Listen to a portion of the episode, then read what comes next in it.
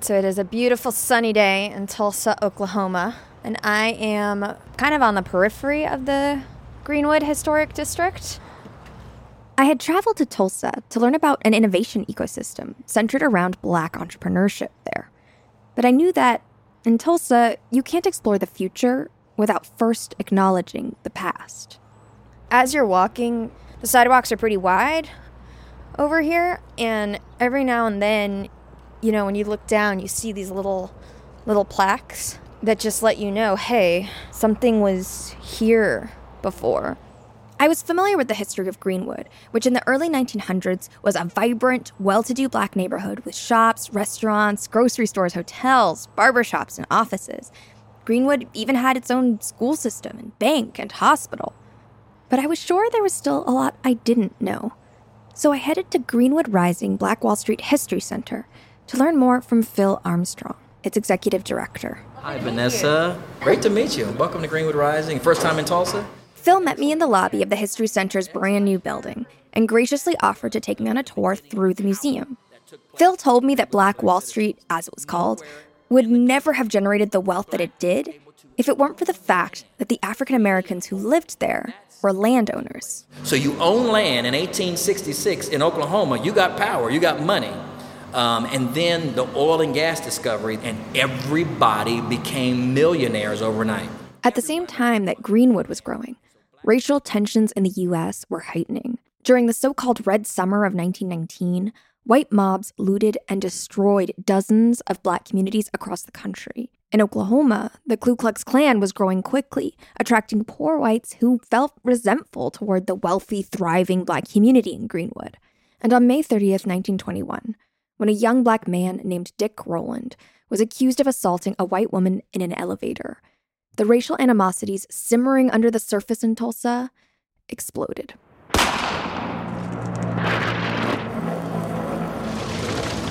Hundreds were killed, a thousand homes destroyed, and millions were lost in property damage. Today, thanks to the works of historians as well as media like The Watchmen and HBO's Lovecraft Country, more and more people know what happened that day. But fewer people realize what happened next. By 1922, they started rebuilding the first building uh, back on Greenwood and Archer.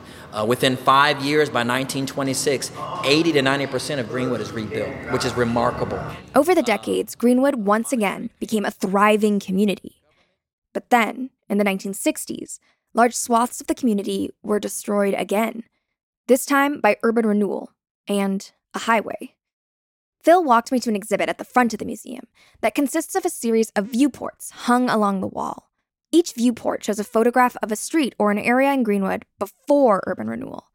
And then it shifts, turning into the same scene today.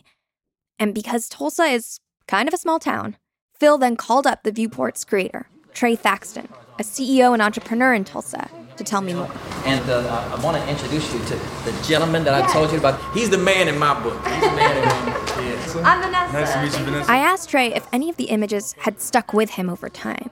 And he walked me to one with a little girl in an alley, taken around the 1940s. I believe it's this one right here. A young girl looking at right at the camera, um, just with a, a, cafe behind her, and she's kind of leaning up against the building, just showing that life and how this trolleyway was going straight through Greenwood, who dropped people off at um, different restaurants and clubs and businesses. Like you can see that there was actual life here. And then fast forwarding to the 2021 photo, and there's a dumpster and a fence going through it. There's a highway cutting right over where the train tracks used to be.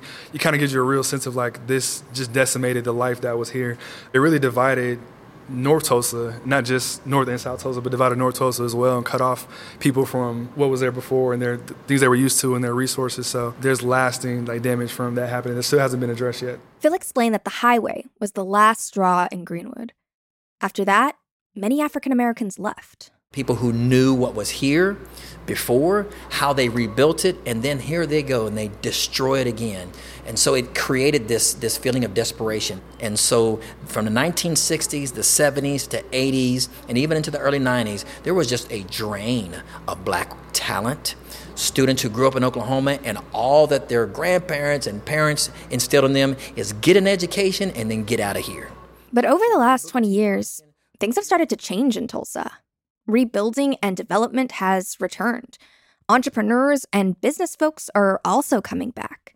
Phil describes it as the third rising of Greenwood. Trey has noticed it too.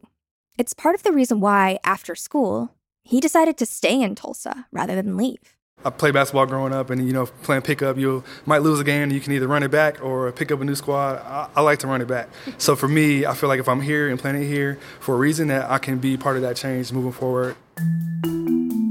Trey is part of a cadre of black entrepreneurs forming a new innovation ecosystem in Tulsa, one that is very intentionally trying to center black creativity and prosperity from the start. So I think we're on a precipice of being able to kind of change and be at the forefront of what we want the future of Tulsa to look like. Welcome to City of the Future, a podcast from Sidewalk Labs. Each episode, we explore the ideas and innovations that can transform cities. We're your hosts. I'm Eric Jaffe. And I'm Vanessa Quirk. And in this episode, we're talking about how a new generation of innovation ecosystems could not only spur economic growth, but offset some of the urban development approaches that have left African Americans in particular behind. These are ecosystems that could revitalize underserved neighborhoods and distribute the benefits of economic growth and prosperity more equitably for all. Okay, so we've been throwing out this term innovation ecosystems as if everyone knows what that means, but not everyone does. So, Eric, you've written a lot on this topic. Would you mind telling the good listeners, you know, what the heck an innovation ecosystem is? Sure. Innovation ecosystems are places where companies and anchor institutions, those are things like universities or big research centers, cluster and they connect with startups, incubators, and smaller accelerators. Now, these can be tech ecosystems, they can be biomedical ecosystems, whatever the focus is, no matter the type, the idea is the same. By being so close to one another, these different parts of the economy can more easily collaborate and connect and share information and ideas with each other. And probably attract a lot of talent and resources, and therefore maximize their potential for growth and innovation, right? Right. And so, in the past few decades, as technology has become core to our economy, you've seen big coastal cities like Boston, San Francisco, and Seattle become big tech innovation hubs. And that's to the point where they've created this kind of gravitational pull that attracts more and more talented workers and startups and investment capital from across the country and the world every year. And often this talent gets pulled away from smaller cities in the heartland, places like Tulsa. Mm, and, and while I'm sure that that did have negative impacts on the smaller cities in the heartland, I'd also imagine that it had positive effects for all the bigger coastal cities, right? As you get talent and resources, you're also getting restaurants and apartment buildings and other amenities. And that's exactly right. You get a whole supporting culture and a whole local economy built around these innovation ecosystems. But despite all of the growth that these tech based innovation ecosystems have spurred, the resources on the capital have not been shared equitably, especially across racial lines. I mean, just think about the fact that of all the venture capital raised for tech in 2020, Black founders received only 0.6% of it. Yeah, not only that, but as we've seen in these big coastal cities, this new wealth can actually create big challenges for people of color and for lower income groups. So, if you take San Francisco, for example, the creation of housing there it hasn't kept up with the influx of new workers. Now, that's caused rents and housing prices to skyrocket, and that prices out a lot of the people who either were living in the city beforehand or who might want to move to the city to take advantage of new job opportunities there. These are groups of people that are essential to making a city work teachers, nurses, police, firefighters. They can't afford to live there anymore. And then add on to that the complication that, you know, for example, as San Francisco has gotten more unaffordable, people have left the urban core and moved out to the suburbs. And now they're commuting potentially hours in their cars, losing precious time and emitting carbon and pollution in the process. That's exactly right. So, as we can see, at least with San Francisco, there are certainly pros and cons to building an innovation ecosystem. But there's a global trend happening now to intentionally plan innovation ecosystems in a way that yeah, still brings the advantages of innovation and jobs, but that attempts to circumvent the inequities that have resulted from them in the past. And that's a big deal because by creating walkable mixed use innovation ecosystems in neighborhoods that might have experienced historic disinvestment or unemployment, we can create opportunities for folks who live in these areas so they can not only stay in their communities, but also generate wealth over time. Exactly. And to learn more about these innovation ecosystems 2.0, if you will, I actually went to visit one that's emerging right at Innovation Ground Zero. So I used to live right there at 847. And here in the back, we learned how to play baseball, we learned how to play football. This is where the first, you know, kiss uh, with the girl. This is where the first fight, you know, everything happened, you know, right here in the back. And it was a community where sometimes when you're coming home from school and you do something wrong and you get a whooping by Mrs. Johnson here and then Mrs. Smith here, and your parents already knew by the time everyone took care of each other. That's Landon Taylor, the co founder of Legacy First Partners, a management consulting company that takes on projects with the potential to affect positive change in the world. I met Landon at his former home, Freedom West, a co op housing complex made up of cute 1970s era low rise apartment buildings with maroon colored balconies. The homes are located in the historically black Fillmore district, just a few blocks from San Francisco's City Hall. Landon's family lived in the Fillmore in the 40s, when redlining made it one of the only neighborhoods available to African Americans. But then in the 1950s, just like in Tulsa, an urban renewal plan destroyed much of the neighborhood, displacing tens of thousands of people and over 800 businesses. My aunt Toogie had one of those businesses that they said, "Look, we're going to make this place better. Promise you, you you'll be able to come back." That promise was not kept. But in the 60s, a local pastor at Bethel AME Church, J. Austell Hall, came up with an idea to help African Americans return to this neighborhood by creating a cooperative housing complex.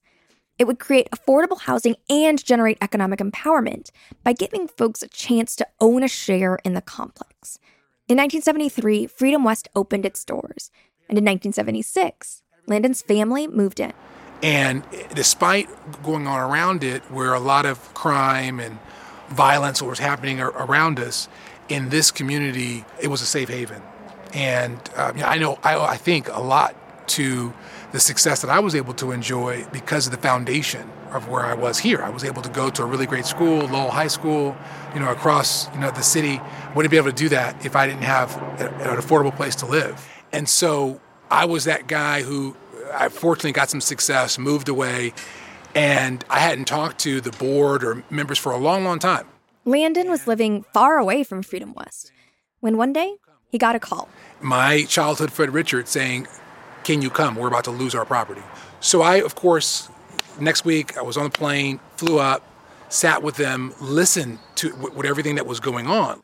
In those conversations, Landon learned that Freedom West had been struggling for years. From the beginning, HUD and the city had not provided them the capital or training necessary to keep up with building maintenance. Their finances were getting grimmer by the year, and all the while, the real estate value of the land was skyrocketing.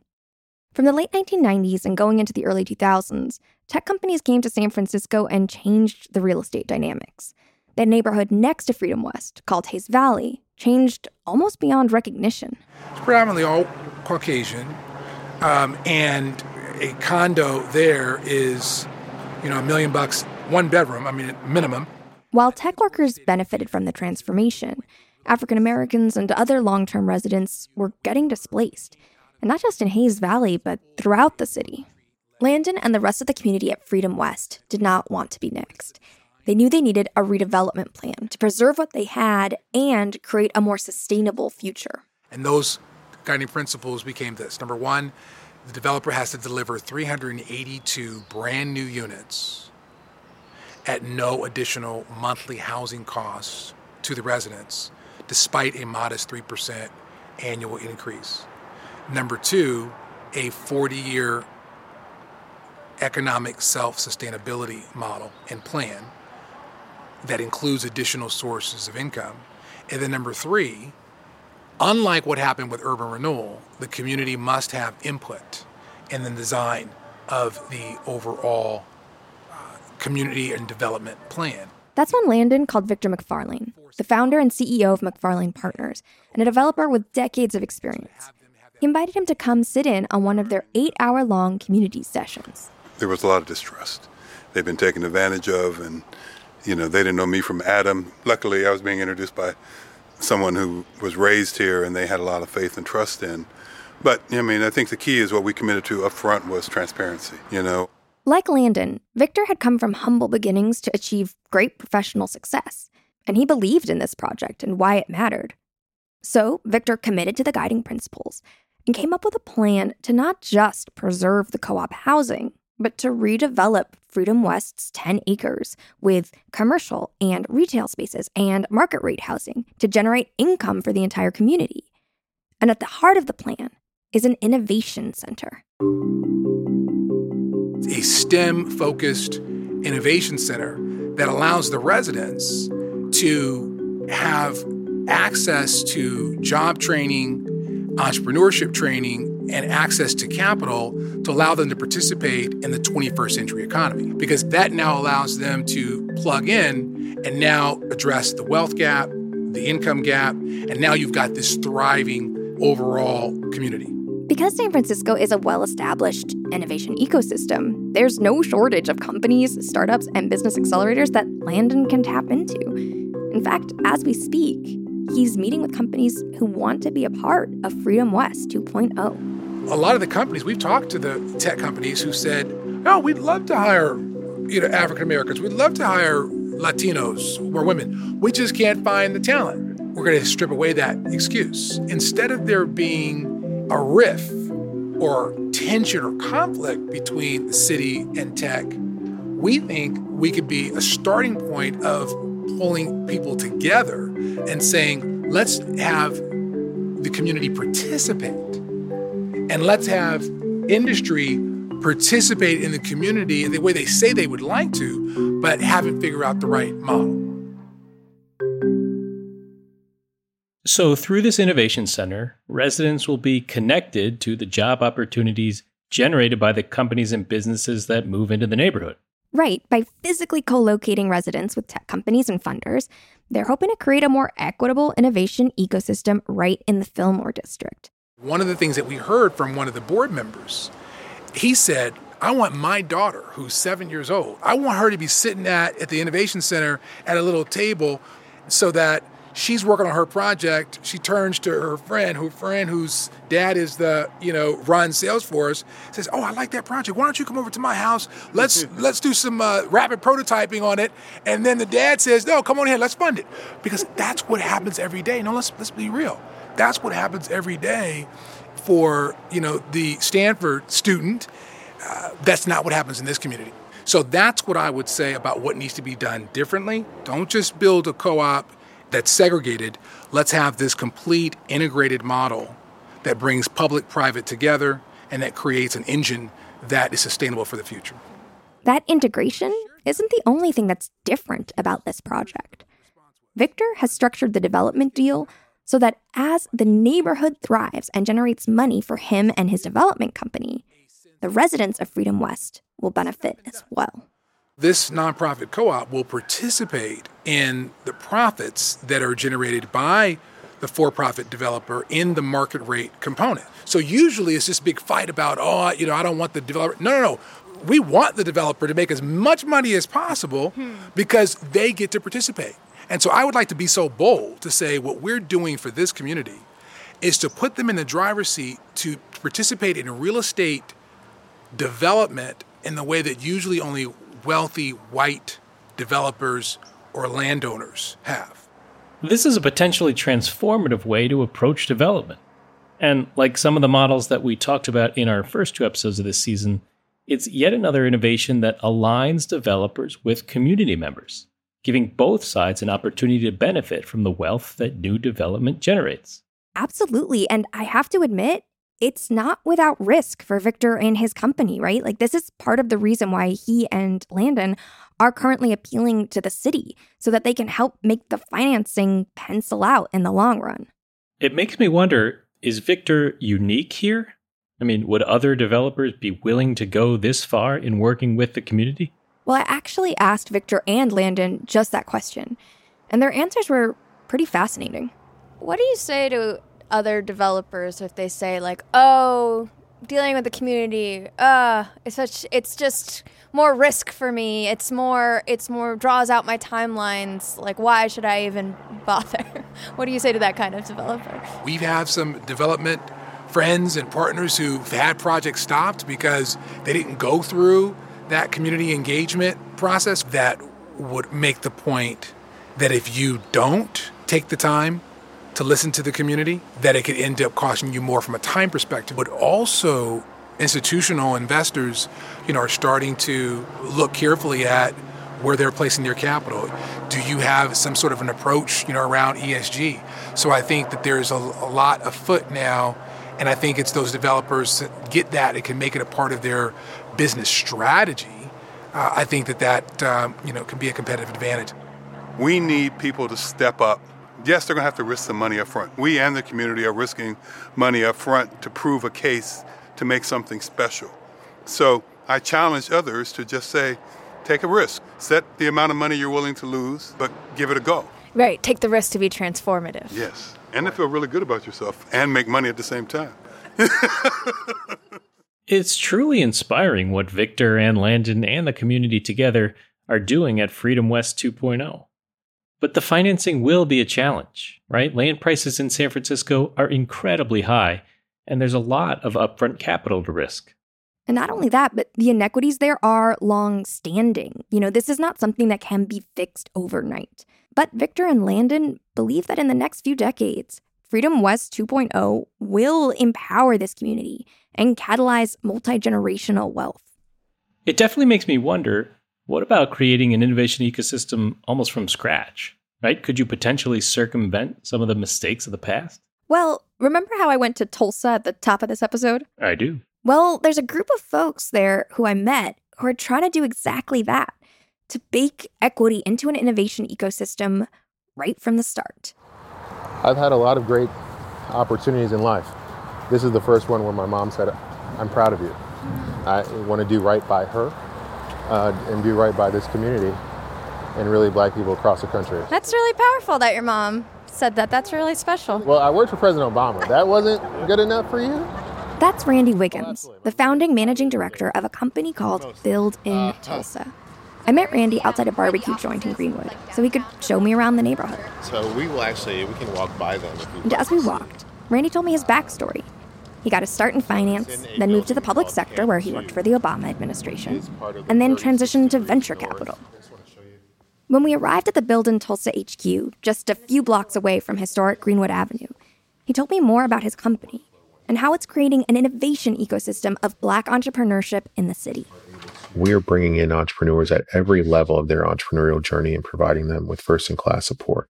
To support these entrepreneurs, Build in Tulsa has created three different accelerators, each focused on companies at different stages of their development. And these accelerators provide the knowledge, the mentorship, and the connections to capital that these companies will really need to take off. We want to build the most black entrepreneur centric ecosystem uh, in the country uh, and in the world. And, you know, in the same way that people, you know, want to get to Silicon Valley, if you're a black BIPOC entrepreneur, you'll be wanting to get to Tulsa in the same way. Unlike San Francisco, Tulsa doesn't have the benefit of an established innovation ecosystem or an established talent pool. So, one of the first steps will be to reverse the brain drain that's happened in Tulsa since urban renewal and get new startups, entrepreneurs, and talented folks to move to Tulsa, just like Randy did. Yeah, and I mean, as we know from our episode on remote work last season, Tulsa's attracting a lot of new folks these days. That's right. In fact, while I was talking with Randy, he walked me down the hall to introduce me to somebody else who had just recently made the move. My name is Brian Brackeen. I'm the general partner of Lightship Capital. Lightship Capital is a $50 million venture fund focused on women and minorities. And one of our headquarters is Tulsa, Oklahoma. Brian told me that the story of Tulsa makes it the perfect place to create a new kind of black centered innovation ecosystem. We are we are big fans of Tulsa 1920, right? So when we think about the work we do here, it's about how do we recreate what was before the race massacre, right? You certainly should never forget the pain of the race massacre, But what are we trying to get back to? What is the goal? That's a vibrant, thriving North Tulsa. And so, what brought you to Tulsa apart from Randy's good uh, convincing here? Yeah, Randy's fine looks. No, no. Um, we took a tour in 2019 called the Comeback Cities Tour. It was co-sponsored by Bloomberg and some others. Um, I think I read about that. It was like a it was like a VC type thing to different cities around the quote unquote heartland, right? Exactly. Get coastal VCs to come visit heartland locations to see what's really going on. And so when we got here, it was literally the, the nicest people, the kindest people we'd ever met anywhere. People talked openly about the race massacre and what they were trying to do in casual conversation. They'd really normalized uh, in a way they live it. Uh, and then three, the, the, the quote unquote powers that be were very focused on doing whatever they had to do, whether it be financially or through just their own voice, um, to help us to fix things. So I come for the tour. Uh, I stay for life, right? I think that's a common refrain in Tulsa. But after attracting outside talent and keeping Tulsa born talent and helping their businesses and startups to succeed, the next challenge for Randy will be to create a place. When I asked Randy what that future Black Wall Street might look like, he took me out of the office. We walked north, past the stores and restaurants of Greenwood Avenue, and towards the loud and rumbling highway that divided and destroyed this neighborhood decades ago. This is something that I hope, you know, 10 years from now will not be here. Right, because before the highway was here, this was all Greenwood, right? This was this all... was all Greenwood. On the other side of the highway, they were mostly empty fields, tall grasses. Apart from the hum of the highway, you could hear the crickets making their music and industrial trains passing by in the distance. And Randy walked me toward a field with a fence.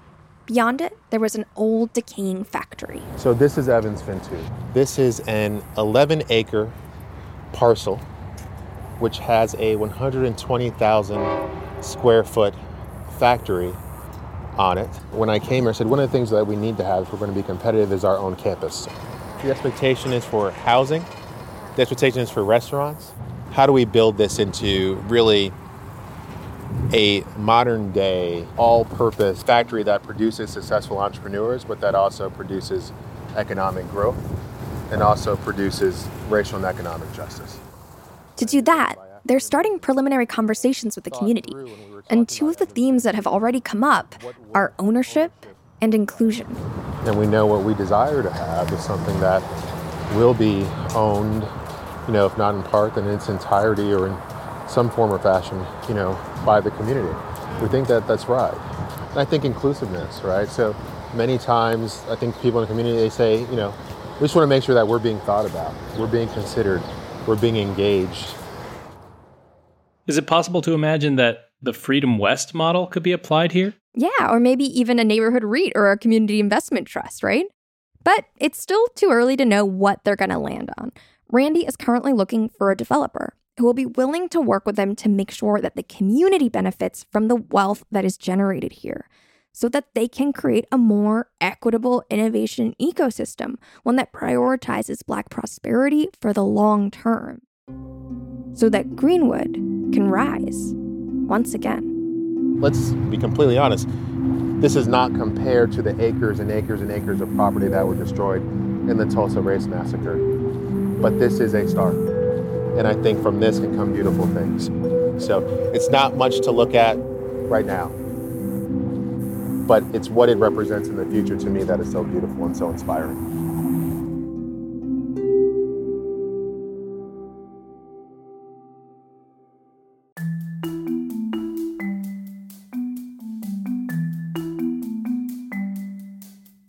Thank you for listening to City of the Future, a podcast from Sidewalk Labs.